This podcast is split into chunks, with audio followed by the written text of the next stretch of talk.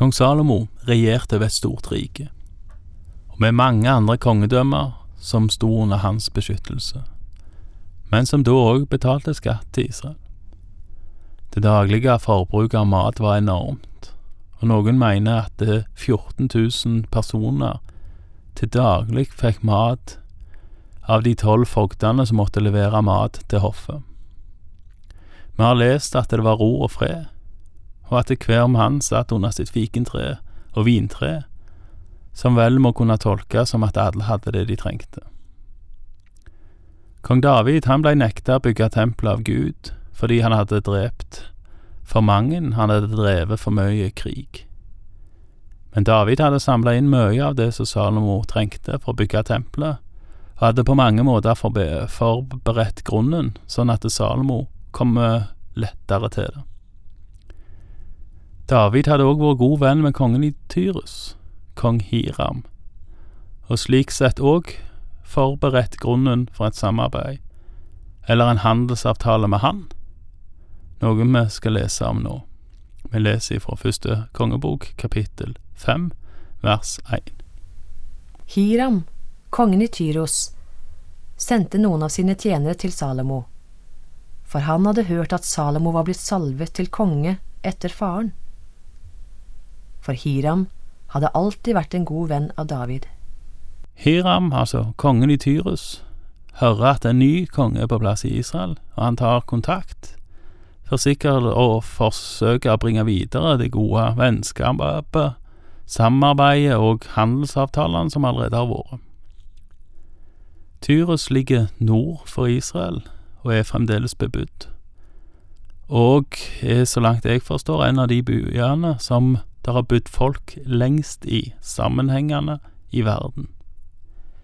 Det er en kystby, og folket som bodde der, blei kalt fønikere. Det var sjøfolk, og deres handelsruter dekte det meste av Middelhavet, faktisk helt til Tanger og Gibraltar. Tyrus ligger nå i det som både da og nå ble kalt for Libanon, mye av sedertreet som Salomo fikk kjøpt seg av kong Hiram, kom ifra skogene i Libanon. Vi leser videre ifra vers to. Siden sendte Salomo bud til Hiram og sa, Du vet at min far David ikke fikk bygd et hus for Herren sin Guds navn, fordi det var krig rundt ham på alle kanter, inntil Herren la fiendene under hans føtter. Men nå har Herren min Gud gitt meg fred rundt omkring. Det finnes ingen motstander og ingen truende fare mer. Derfor tenker jeg nå å bygge et hus for Herren min Guds navn, slik som Herren sa til min far David. Din sønn, som jeg vil sette på tronen etter deg, han skal bygge huset for mitt navn. Gi nå dine folk befaling om å hogge sedertrær til meg fra Libanon.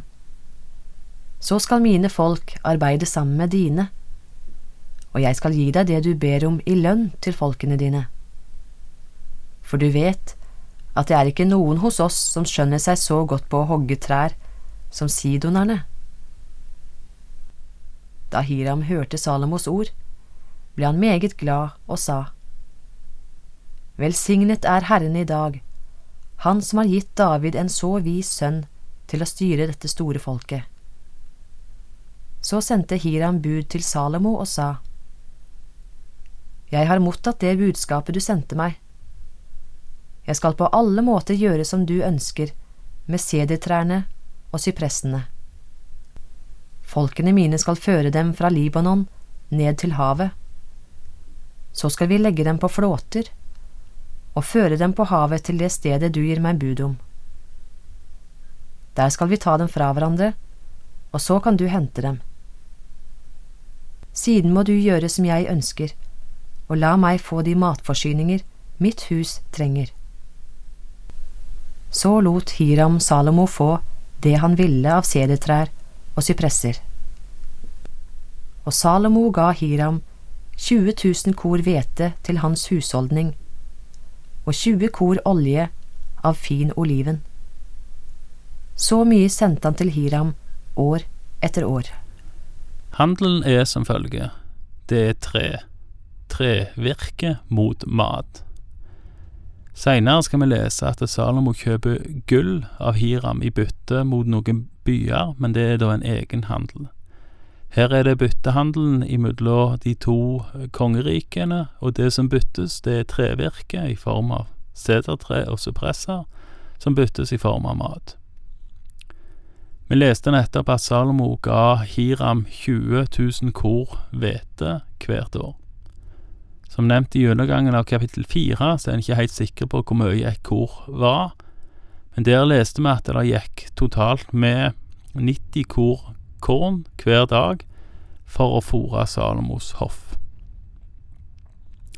20 000 kor, som det her er snakk om, det ville da holdt til i overkant av 200 dager i Israel, eller ved Salomos hoff.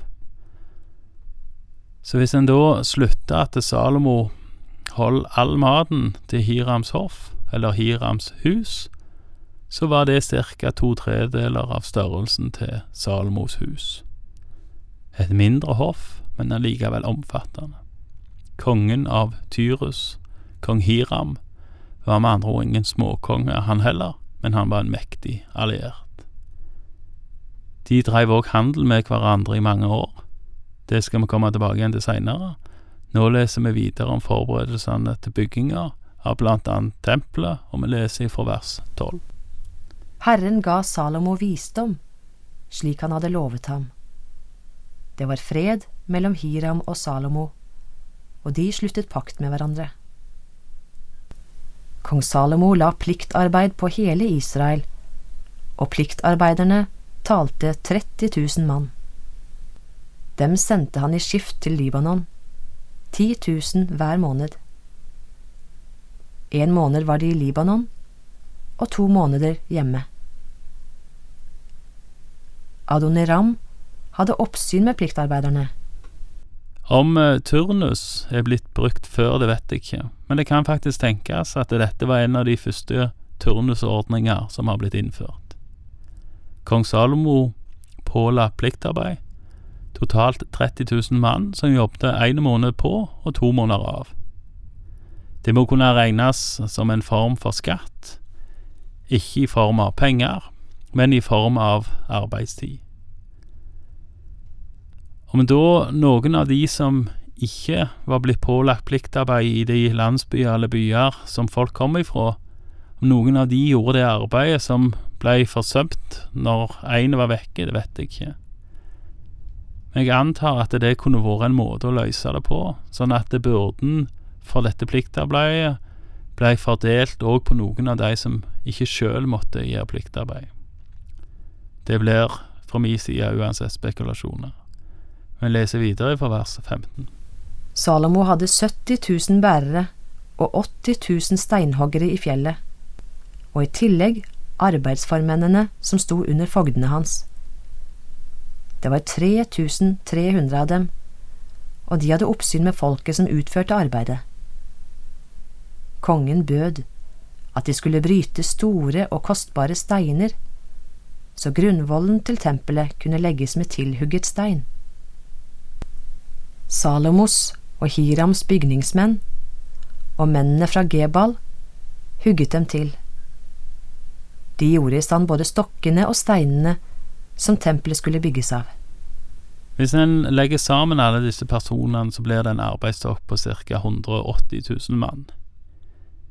I andre krønikebok, kapittel to, som snakker om det samme, nevnes ikke de 30 000 som skrives ut til pliktarbeid, men der fortelles det at 70 000 bærere og 80 000 steinhoggere ble utskrevet.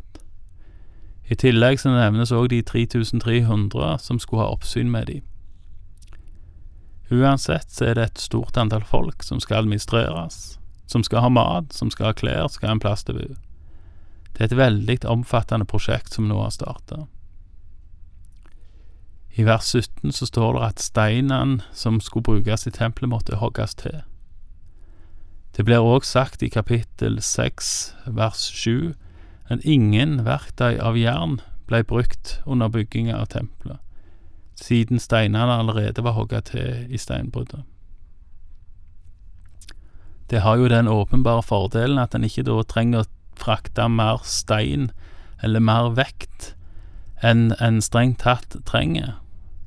Men det er jo ei ingeniørbragd av dimensjoner å klare å hogge alt til, sånn at det passer sammen som et puslespill i tre dimensjoner etter at steinene blir frakta til Jerusalem.